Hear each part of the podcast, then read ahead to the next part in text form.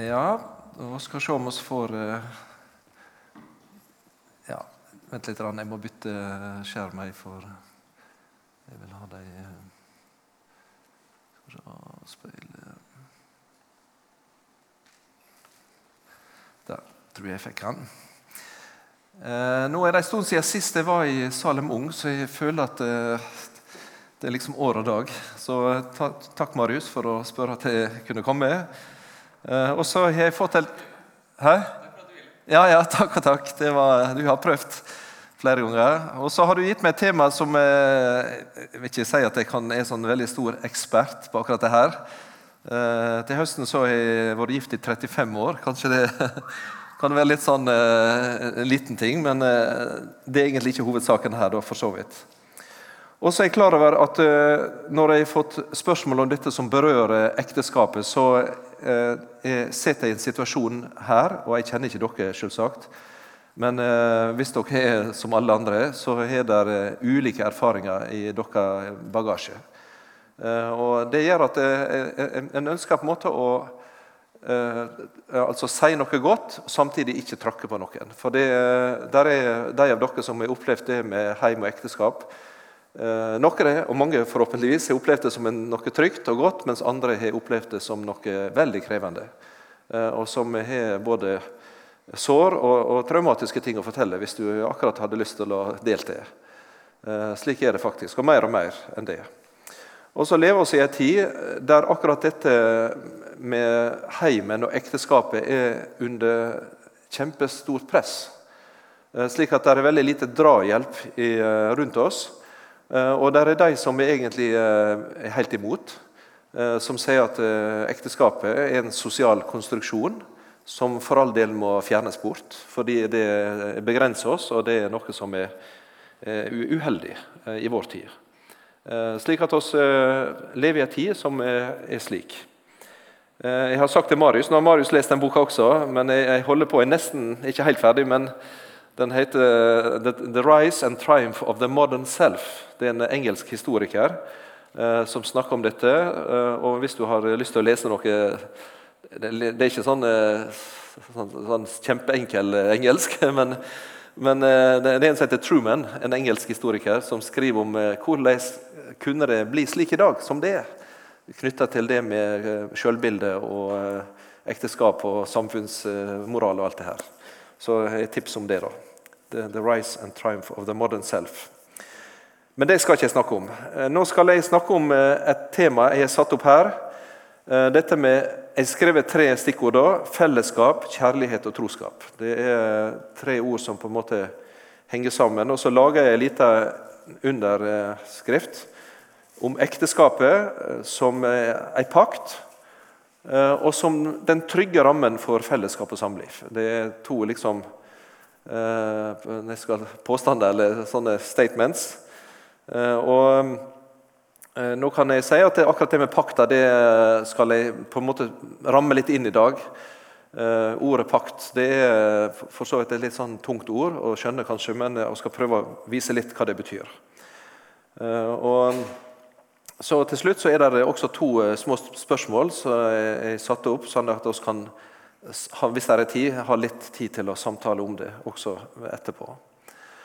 Eh, og eh, dere ser, Denne trygge ramme det har jeg sagt, det er idealet. Det er det en ønsker det skal være. sånn at det, dette er ikke pekefingeren som skal liksom vise alle avveier og alt som kan gå galt, men det er ønsket om å være å, kjempe for å arbeide for at det skal bli en eh, trygg ramme, og en trygg ramme som mulig. Nå skal jeg be en kort bønn for dette. Himmelske Far, oss ber nå at du, som har skapt oss, som den oss er, at du kan stige ned. Vis oss vei, Herre, i å leve som mennesker, og leve som kristne, og leve sammen, Herre. Velsign også det jeg skal si, med tanke på kanskje at det kan bli til inspirasjon å søke en god kilde for å bygge fellesskap og liv, og også ekteskap på. Amen. I mange år så har jeg abonnert på et sånt blad som heter National Geographic. Det er en amerikansk tidsskrift. og Også når jeg har bodd i Afrika, og jeg hadde det mange år der, pga. bilder, for de er kjempefantastiske, men også fordi stoffet er veldig godt og interessant. Og En gang for en del år siden så hadde de et sånt temanummer. Eh, og da var det, Dette her skulle jeg liksom lage en sånn dypdykk i dette som heter Love. da. Det, nå fins den på norsk også, tror jeg, det er bladet, men jeg hadde det på engelsk. Eh, og Da stiller de spørsmålet What is real love? Det var liksom temaet. Eh, og spørsmålet dette med kjærligheten. Hva er den ekte, ekte kjærlighet? Og så var det en journalist som reiste litt rundt i Nord-Amerika og Canada litt forskjellig, og prøvde å grave litt i det. da, Og møtte forskjellige folk. Og eh, En av de første som eh, han møtte, det var en eh, mann, eller en ung mann på Miami Beach. Det, hvis dere har sett sikkert sånne filmer og serier, og sånne ting, så kan dere sikkert dukke opp der. Han hadde svar på det. Han sa det som er ekte kjærlighet, det er det her. Det er enkelt og godt sex. Og det er på jakt etter, sa han. Det er på jakt etter.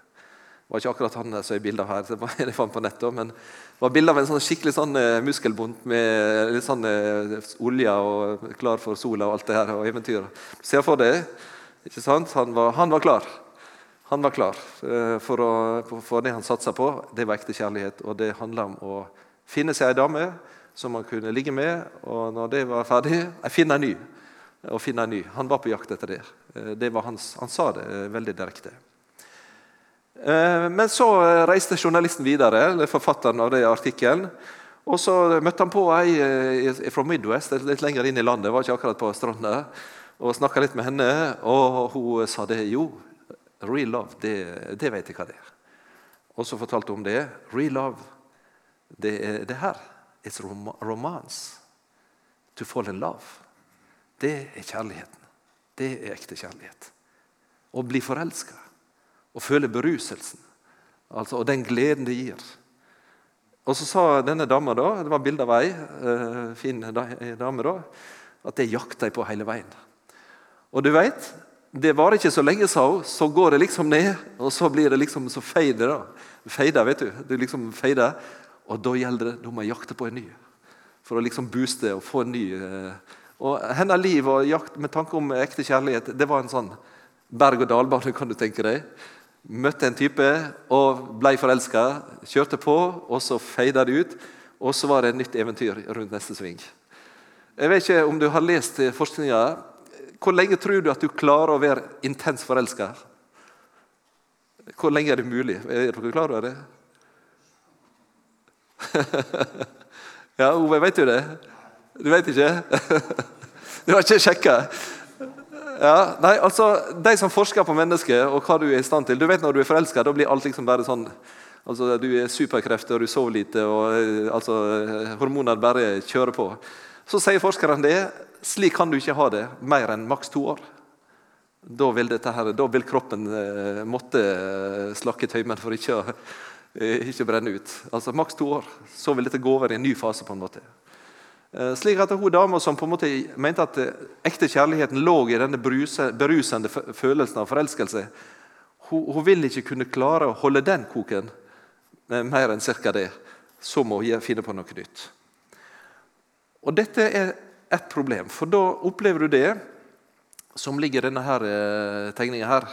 Ser du jenta her? Hun liksom søker etter og lengter etter ballongen med hjertet i. På jakt etter den ekte kjærlighet. Og så er det akkurat som en ballong som bare glipper unna hele veien. Det er supervanskelig. Det er supervanskelig. Men i denne artikkelen så endte de opp i Canada, rett på nordsida av eh, grensa. Der møtte de et par som hadde vært gift i over 50 år. Og jeg, jeg, det, det, er helt sikkert mulig å finne det bildet hvis jeg hadde giddet å lete på nett med magasinet, for det er en del år siden. Men det var to gamle folk, skikkelig gamle. Og De satt i en, eh, hver sin stol i stua. Eh, sånn Litt sånn krokete ryggen og hvit i håret, helt sånn eh, som gamle folk kan være når de blir 80-90. Jeg snakka f.eks. Med, for, for, med tanta mi i dag på, på, nett. Hun var 91 år i dag. Og, og nå er hun skrøpelig og ligger i seng nå. Altså, og disse, disse satt i en stol, og så holdt de hverandre i hendene, de gamle to. Og så sa de det. Og så veit hva ekte kjærlighet er, sa de to gamle. Og Veit du hva svaret var på det? Jo, de sa det er trofasthet, sa de to gamle folka. De hadde vært gift i over 50 år. Trofasthet, det hadde de funnet ut. Det er det det handler om. Når det er snakk om virkelig å elske. Når det er virkelig snakk om sann kjærlighet. Og Jeg fant et bilde. da, Det var faktisk en eh, på nett. Han hadde en hel nettside sånn, som hadde tatt bilde. Av, av, av gammel kjærlighet. Og så tok han bilde av disse gamle ekteparene som om, slik de var når de første når de liksom møttes. Så du ser han kommer med blomsterkvasten. Skal liksom, kommer han, Her er han den gamle og møter kona si, og de er i lag. Dette her er, er altså ekte kjærlighet. Og det har noe med det vi skal snakke om nå. For når vi skal snakke om ekteskap, eller ekte pakt, eller ekte kjærlighet, så vil trofasthet være et nøkkelord. Så vil trofasthet være et nøkkelord. Eh, for mange år siden var jeg prest i Forsvaret et år og vi hadde etikkundervisning. og Det var en del sånn ressursmaterial som vi hadde tilgang til. Blant annet så var det eh, undersøkelser. Nå er dette noen år siden. Det er sikkert kanskje litt annerledes, men det var gjort en, en sjekk på det når det gjaldt skilsmisse. Altså når ekteskap som går i stykker. Hva var grunnen til det? Eh, og da, På den tiden jeg var prest, for en del år siden, så sa det at forskningen viser at nærmere 80% av ekteskapene som går i stykker, skyldes utroskap. Enormt høyt. Enormt høyt. Utroskap. Altså Da er du på det motsatte stykket av å være trofast og til å stole på, så er det utroskap. Av den ene eller den andre parten. Og det er alltid katastrofalt. Alltid, alltid det. Nå vil jeg gå over og si noe omkring dette ordet som heter Eller kanskje Jeg skal forresten vise dere et uh, bilde som jeg har fått. Skal vi se om jeg klarer å dra dette over på den andre sida. Um, hvis jeg klarer å få dette til å Vent litt. Jeg skal dra den over der. Ser dere det bildet her? Um, den, den, lappen her den fikk jeg av Øyvind Benestad for eh, veldig mange år siden. Han, det er han som har mor, far, barn. og Han, han har vært her i Salem og hatt seminar. og sånn. Eh, men dette er lenge siden. Eh, så fikk jeg en lapp av han her. Og Han sa ser du den lappen her. Når jeg var student i Oslo på MF, så hadde jeg denne lappen min, og da hadde jeg kjæreste. Så skulle jeg teste meg sjøl. Og da hadde han, han hadde den lappen hengende på sin, på lesepulten på MF. Og han sa Hver dag så leste jeg han, og så testa jeg med å spørre dette. Hva innebærer det, innebærer det å elske noen med ekte kjærlighet? Ser du den lista her? Her kan du sånn sjekkliste. Den er ganske heftig. Eh, det betyr du, du, du. Det skal være deg og deg alene. Du er det mennesket jeg lengter etter, som jeg er ufullstendig uten. For deg vil jeg gi alt, også meg selv. For deg, deg vil jeg alltid være til. For deg vil jeg leve og arbeide. Deg vil jeg vente på, likegyldig hvor lenge. For deg vil jeg alltid være tålmodig. Jeg vil aldri tvinge deg, heller ikke med ord. Og for deg vil jeg alltid være åpen, oppriktig, gjennomsiktig. Dem vil jeg dele alt med, oppleve alt med. De vil jeg alltid høre på. Og så siste setning, så er det det som oss allerede har nevnt. Hos dem vil jeg alltid bli. Det er trofasthet. Det er det, det, det siste ordet. Trofasthet. Og Øyvind Benestad, dette var min sjekkliste med kjæresten min, som han da senere ble gift med, for å teste seg sjøl. Er dette bare min egen egoisme eller selvtanke, eller sjøl er det mitt? Eh, og det er egentlig en, en ganske heftig, heftig, liste, egentlig. Kjærligheten den er alltid på en måte 100% Du kan ikke dele den opp med mange andre på ett vis. Så tilbake Øystein, Oslo er ut til. Så klarer jeg å funnet en fiks løsning at Når jeg drar musa mi opp i høyre hjørne, så går han over pausemodus. og nå gjorde han akkurat det. Passer ikke godt her framme, ser jeg. Eh, og så skal, se, skal jeg få tilbake den, om jeg klarer å dra den til ut. Ja, Da er vi oss tilbake i, eh, i dette som er vårt tema, med ektepakten. Eh, og det som det betyr. Ekteskapet.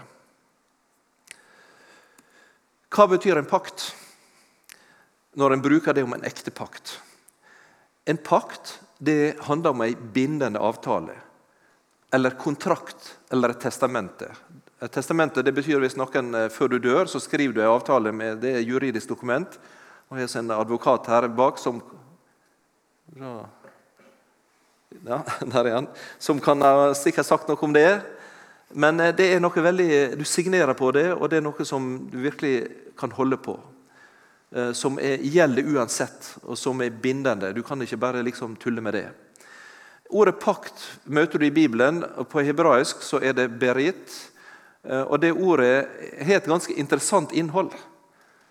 For det betyr egentlig å spise sammen. Å spise sammen med noen eller andre og å ha fellesskap med. Det er ordet pakt i sin grunnrot, altså i dictionaryen.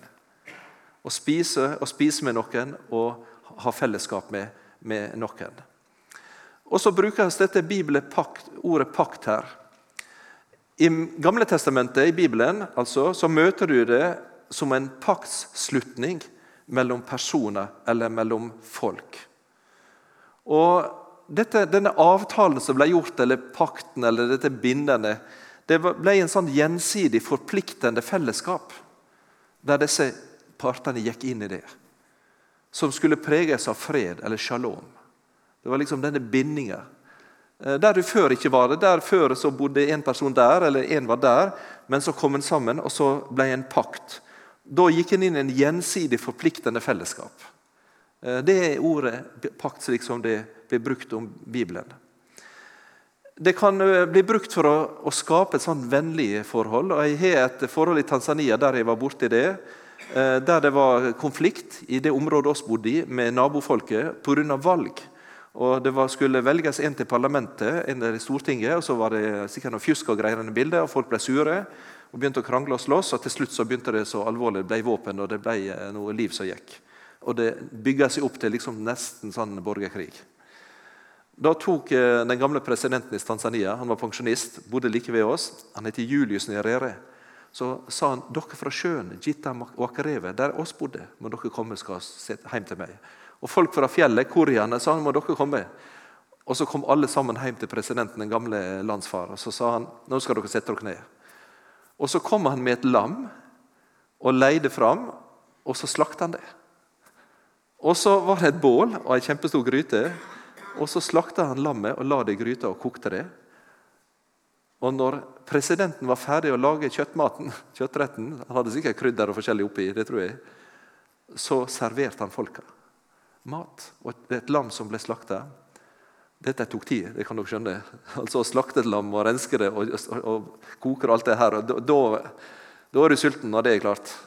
Eh, og så velsigna presidenten måltidet. Så spiste de sammen. og etterpå så var det fred.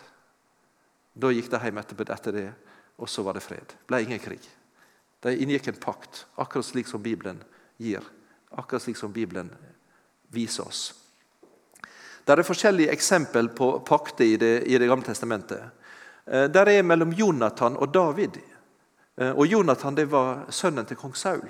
Og David det var gjettergutten, ikke sant, som dere hører, han som møtte Goliat.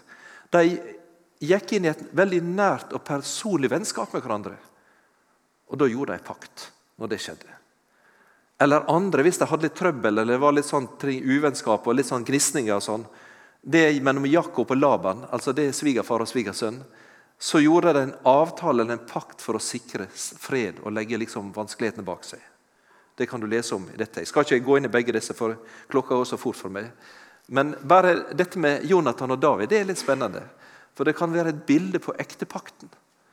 Da Jonathan hadde hørt samtalen mellom David og Saul, altså far hans, kjente han seg straks knyttet til David. Og han fikk ham så kjær som sitt eget liv. Legg nå merke til det sterke båndet som blir knytta her, det vennskapet som er mellom de to. Han ble like glad i han som seg sjøl. Samme dag tok Saul ham til seg og lot ham ikke mer få vende tilbake til sitt hjem. Da kom altså David inn, og Jonathan sluttet en pakt med David fordi han hadde fått ham så kjær som et, sitt eget liv. Han tok av seg kappen han hadde på, gav den til David, og likedan krigsklærne, sverdet, buen og beltet, står det i 1. Samuel 18. Altså Her gjør han noe som er veldig sånn symbolsk og rituelt. på en måte. Han gjør en slags offentlig handling på et vis som viser at nå, David, skal jeg og du nå skal vi være bestevenner for alltid. på en måte. Og Det som faktisk er, det står ikke så mye om dette i Gamle testamentet, men i Talmud, i det jødiske overlevering, så regner en dette som det som blir kalt for en blodspakt. Det har ikke, jeg regner med at ikke så mange som dere har vært borti. Men i dette tilfellet så tror de det. Hva skjedde i en blodspakt? Man bytta kapper med hverandre. Man bytte belte med hverandre. Beltet var ikke bare for å holde buksa oppe, men det var altså våpnene og kniven og alt dette som hang på det. La det ned. Man skar et dyr på langs, slik det ble delt i to like halvdeler. Hvis du leser i første Mosebok og ser pakten mellom Gud og Abraham, så ser du han. Og så gikk han et, i et åttetall imellom de blodige stykkene og vandra sånn. Og et åttetall i vår symbolikk Åttetallet, hvis du legger det på flatt, hva betyr det? Evigheten, det er det uendelige. Også i vårt språk så er det tallet der. Dette er paktspråket fra Det gamle testamentet. faktisk, akkurat dette. Og Så tok han opp den høyre hånda, skar en liten rift med midt i håndflata, tok hverandre i hendene, og så ble blodet blanda, så sverger de truskap. Det er blodsbånd. Blodsbrødre. Dere ser det i vårt språk også, faktisk. Og det neste punkt, De bytta navn og fikk tillegg i navnet sitt. Det skjer faktisk også vanligvis. Det er ikke alle, men i ekteskap ofte. Så blir det et bytte i navn som symboliserer det. Så varma han kniven i flammen og besegla såret i håndflata med kniven, men bar nå merke i sine hender så lenge han levde, på hånda si. Dette er Noe av symbolikken som ligger faktisk i det med, med ringen, som er den ringe som går rundt, og at det at en har den på hånda si, det går tilbake fra den gamle pakt og paktsinngåelsen. Og så spiste en et paktsmåltid. Jeg kan si, ok, Dere har sikkert vært i bryllup, flere her. Det er måltid og mat. ikke sant? Og Så reiste en et minnesmerke på paktstedet. Dette kan du lese om i Gamle testamentet mange mange ganger. at det skjer. De reiste en stein eller noe som de sa her er for Gud, så er dette tegnet på vår pakt. Det er sikkert et ord som du av og til har tenkt på. Det er veldig fint fra Det gamle testamentet. Men se på det ordet her. Har du lest det? Jesajas 49. Sion var, var fortvila. Herren har forlatt meg. Herren har glemt meg. Oi. Men så sier Gud. Glemmer vel en kvinne sitt diende barn, så hun ikke forbarmer seg over sitt livs sønn? Om også de glemmer, så glemmer ikke jeg deg. Herren er trufast. Han glemmer ikke deg, sin beste venn. Og som tegn på det, i begge mine hender har jeg tegnet deg. Dine murer står alltid for meg. Og nå, blodspakten, det som ble skåret i hånda, og som ble blanda Jo, det var Kristus. Det var menneskets hender og Guds hånd som ble naglet et kors så blodet rant. Det er paktstegnet i hånda, og det er Guds tegnet i Kristus. I himmelen har han det fortsatt. Som et lam som er slakta, står det der i åpenbaringa. Pakta er utrolig sterk avtale, som er nesten helt utrolig vanskelig for oss å forstå. Ved inngåelsen av pakten ble det foretatt bestemte rituelle handlinger med edsavleggelse, offer, paktsmåltidet. Men det som er viktig, det var en offentlig handling og markering i dette. her. Det var ikke bare en sånn eh, Hei, hei, skal vi være venner, eller? Eller på Jæren sier de 'Skal du ha lag?' sier de. Altså Helt sånn uforpliktende. 'Skal du ha lag?' Altså, eh, Nei, dette her var skikkelig seriøst. Og Det ble offentlig markert og vist, og alle visste dette på. Nå er de to, Jonathan og David, nå er de bundet sammen med spesielle eh, eh, pakt. Og Den hadde egentlig bare gyldighet så lenge betingelsen ble overforholdt. Å bryte pakten ble i den gamle pakt regna for å være en stor overtredelse. En stor synd, egentlig. At når en svikta og ikke var tru og trofast til å stole på. Gud gjorde mange slike pakter med oss. Med Noah her er Noah, han, Noah med dette med regnbuen. Se, jeg oppretter selv min pakt med dere og med slekten etter dere, sier Gud til Noah. Dette med vannflommen. Han skal aldri ødelegge folk på den måten som det skjedde, som det skjedde her. Eller med Abraham. Du kan lese om disse paktene bakover her. Og så førte han Abraham ut. Se opp mot himmelen og se din slekt, så tallrik skal dette bli. Abraham, hva gjorde han i møte med Guds på en måte hånd og seie og vennskap? Jo, Abraham tok imot. Abraham trodde Herren, og det ble regnet han til rettferdighet. Og Her ser vi i vers 18 den dagen sluttet Herren en pakt med Abraham og sa:" Din ett gir jeg dette landet. Her er Gudspakten. Det er Gud som lover. Og Nøkkelen i dette ordet, som når det gjelder Guds pakt og Guds avtale, det er ordet trufast. Gud tar initiativet, og Gud handler. Det er aldri slik at eh, Gud og mennesket på en måte er likemenn. Det er Herren sjøl som oppretter dette. Gud bestemmer innhold og vilkår og legger rammer for denne avtalen og pakten. Og så Det er aldri slik at Gud bryter pakten. Det kan du lese gjennom hele Bibelen din. Han er trufast og til å stole på. Jeg har et, fint bilde som jeg tenkte et foto det. Hvis jeg tenker på ektepakten. Og Her ser det ut som det er et barn også der, eller to. Ser du den? Utrolig fint bilde på et ekteskap eller ektepakt. To mennesker som har gjort en bindende avtale, og de kommer til og med noen etter hvert noen små hender og holder fast på disse. Binder sammen i dette. Binder sammen i dette. Eller hvis, en, hvis du skal oppsummere det, så er det slik. Faktisk er dette en oppsummering av det evangeliets budskap om hvem Gud er. Er vi truløse, så forblir han trufast. Han kan ikke fornekte seg sjøl pga. pakten og avtalen han har gjort. Nå er det to pakter på en måte i Bibelen du møter.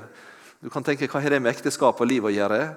Men Den første er en lovpakt, Sinai-pakten, som sier dersom du lyder hans røst og gjør det han sier, så vil han.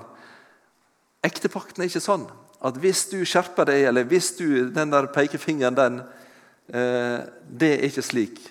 Men det er en annen pakt som møter deg. Den nye pakt. Den blir kalt for løftepakten eller nådepakten. Gud legger alle forpliktelsene på seg sjøl og sier 'jeg vil gjøre det'.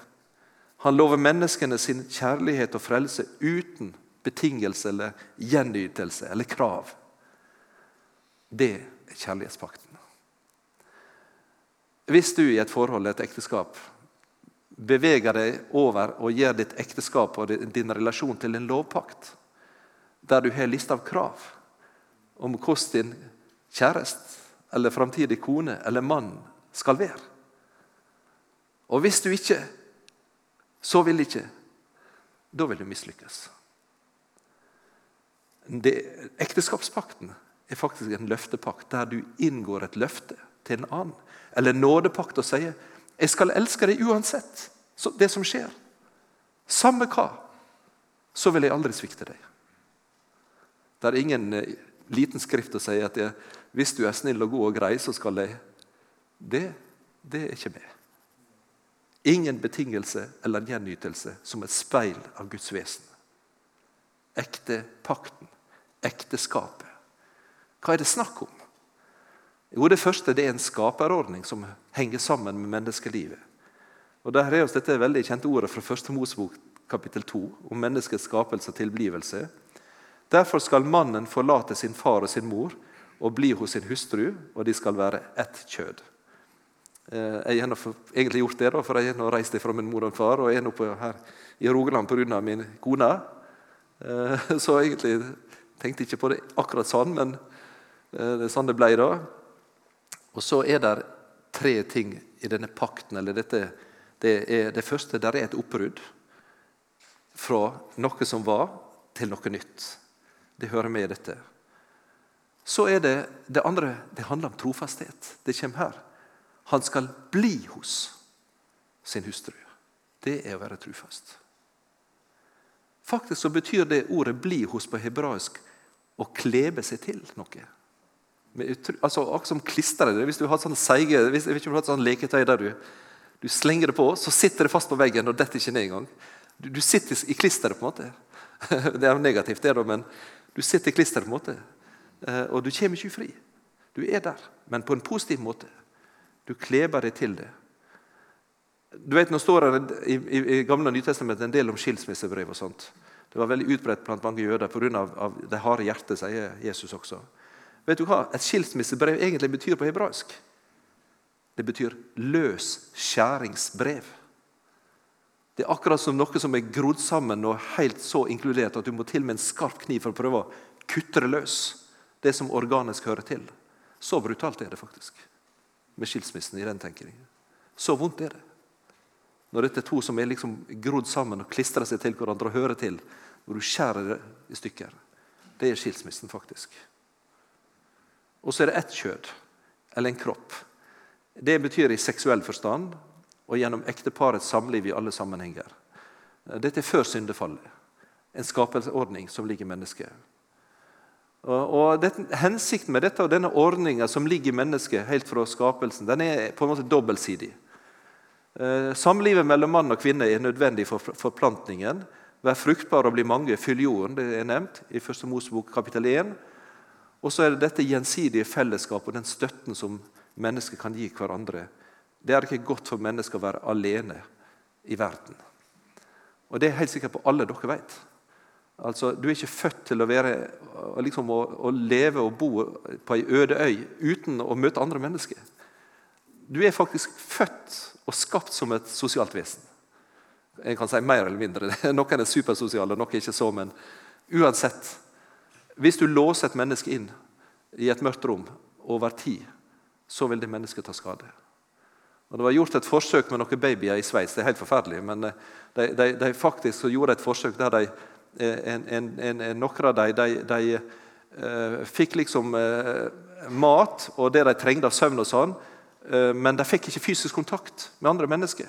Altså De, kom bare og putta dem mat og, og, og, og liksom stelte dem det de trengte, men de tok dem aldri opp og klemte dem og ga dem 80% av de barna døde faktisk av mangel på sosialt fellesskap. Det var et grusomt eksperiment. altså for 100 år siden. Sånn. Det er ikke lov i dag, selvsagt, men de døde faktisk av mangel på, på nærhet. En trenger hverandre uansett. Og det, Nå snakkes ikke bare om ekteskap, men om fellesskap i samfunn. Ektepakten i Det gamle testamentet Det er ikke noen sånn detaljert beskrivelse hvordan skal du bli gift hva trengs, eller juridisk ramme eller form. Eh, men de, de brukte muntlige avtaler på den tid, eh, selv om eh, skrivekunsten kom. Og Dette kjenner jeg veldig godt fra Afrika, der de møtes og sitter sammen. Ekteskapsinngåelsen skjedde gjennom en avtale. Ikke bare to som satte seg i en benk og sa ja, nå er det oss, og så ble det. Nei, familien og de som var omkring, ble involvert. Og avtalen ble gjort mellom ikke bare to, men om familiene. De måtte også møtes og bli med på dette. Ektepakten det var faktisk ofte et spørsmål om penger og andre ytelser. Dette med brudepris. Det er ikke hos, hos oss, men i Afrika jeg møtte det. Det var En som spurte meg hva måtte du betale for kona, sa han til meg. da. Eh, jeg sa jeg fikk henne gratis. Gratis? Er det mulig? Eh, det, ikke, det, betyr ikke at du skal betale for å få ei dame, men det er liksom faren som, han skal liksom få en slags kompensasjon for alle de pengene er lagt ut på den dama. Det er liksom det det egentlig går i. Skal få litt igjen for det. Eh, og så sier det, og du vet, ikke bare at jeg fikk henne gratis. Svigerfar betalte hele bryllupet mitt. Dette her var på Jæren, ikke sant? nede i bondeland og greier. Det var tradisjonen. Sånn var det. Og han afrikanske mannen ble helt satt ut. Sa er det mulig? Er det mulig? Altså Han holdt på årevis og prøvde å samle og få til. Eh, for dette her er brudeprisen. da. Eh, det er en gammel skikk som hører til. Du setter pris på det. Det koster noe. Det var ingen privat kontrakt mellom to personer, hvis du kan tenke det som et samboerskap. i den forstand. Og Bryllupet og denne pakta det var hele nærmiljøet. Eh, og så var det også en ting når det gjelder seksuell kontakt. Men før bryllupet så det, ble det avvist. Og Det var faktisk så sett på som så graverende at disse rettighetene som en da eventuelt kunne ha hvis det skulle bli skilsmisse, de mistet en alltid. Da ble det satt strek overalt. Det gjaldt ikke. Gjald ikke. I Afrika snakker de om å koibamke, å stjele ei kone. Eh, det var alltid trøbbel. Prøvde å rydde opp etterpå, men eh, det ble alltid trøbbel ut av det. Hvis en ikke hadde fulgt, hatt familien med på laget. Eh, I Nytestamentet så finner du et eksempel om dette fra Maria og Josef. Og Dere vet dette med Maria, som var forlova med Josef. Og Da står det faktisk hos Matteus før de var kommet sammen, altså det vil si før de hadde lagt, hatt sex sammen, så viste det seg at hun var med barn av Den hellige ånd. og dere skjønner sjokket. Josef var rettferdig, ville ikke føre skam over henne og ville skille seg i stillhet. Det er det som står. Og Så får han denne drømmen og alt dette her. Men så står det etterpå, når han skjønner hvordan det henger sammen, at her er Gud inne på en spesiell måte, Den hellige ånd, så står det han levde ikke med henne før hun hadde født sin sønn, og han ga ham navnet Jesus. Legger dere merke på en måte den ramma som de gir? Selv om forlovelsen på den tid var faktisk så bindende at du måtte skilles på et vis offisielt for å bryte det, Eh, så var det ikke sex inne i bildet. Slik som Josef og Maria, som dere ser her. Jesus han snakker også om dette med skaperordninga. At eh, I, i Matteus 19 at Gud skapte dem til mann og kvinne. Og så gjentar han og bekrefter det gamle testamentlige, som vi akkurat leste, at mannen skal forlate mor og far, holde seg til sin hustru, og de skal være ett kjøtt. Og så tilføyer han så, ikke, så er det ikke lenger to, men ett kjøtt en enhet. Derfor, det som Gud har sammenføyd, skal et menneske ikke skille. Her ser dere også Jesus bekrefter denne tette, nære bånd som er knytta til ektepakten. I denne avtalen som er her. Og Så går jeg over. Nå skal jeg prøve å runde av mot slutten. Bibelen utvider dette begrepet ikke bare til å bruke det om et ekteskap mellom en mann, og en kvinne. Men inn i dette her så kommer det en større ramme om en pakt som sprenger dette. Og Når Paulus i kapittel 5 i Efeserbrevet skriver om ekteskapet og formaninger og hvordan det skal være dere vet Det er ikke alltid enkelt. Så skriver han det at vi er lemmer på hans legeme, på Jesu kropp, som kristne. Derfor skal mannen forlate sin far og sin mor og holde seg til sin hustru, og de skal være ett kjød. Og så sier Paulus dette mysteriet er stort, og nå taler jeg om Kristus og menigheten. Altså Dette bildet på ektepakten er faktisk en liten skygge av det store bildet av forholdet mellom Jesus og den som tror på Jesus. Om dette. Midt i det som står om ekteskapet, så ser han det. Et glimt av et bilde av dette. Og Derfor så står det om dette, denne nye pakten at det skal skje en pakt, ikke bare en ekte pakt, men det skal være en pakt som sprenger rammene, som er enda større, som Gud skal gjøre, som er annerledes enn den som kom med fedrene en pakt som de brøt med israelsfolket. Og Da skriver han eh, til dem i Jeremias om det som skal komme, at han vil legge min lov i deres sinn og skrive den i deres hjerte. Jeg vil være deres Gud, og de skal være mitt folk. Dette er også en pakt, et løfte Gud gir. Ikke bare mellom en mann og en kone, mellom seg og sitt folk. Og Det handler faktisk om det samme som vi sa, det er om kjærligheten. Det er hjertet det er snakk om. Et hjerte og Dette hjertet det, altså, det handler om at han vil tilgi deres misgjerning og ikke komme deres, i hu deres synd, dvs. Si en nådepakt. Og Denne pakten som vi nå har snakket noen få vers om ekteskapet, den gjelder også for Guds menighet. For den som tror på Jesus, han blir inkludert i Guds paktsfolk, eller menigheten. Det som Ronald Fangen kalte for jordens største under. Og her ser dere, Det er ikke bare en pakt som inkluderer én mann og én kone, men det er mange hender i Guds menighet i veldig stor variasjon. Akkurat som Kristi kropp, sier Paulus. Og så er Guds hjerte til stede i det, i det fellesskapet. Det er livsnødvendig. Dette trenger du som et menneske og som Guds barn.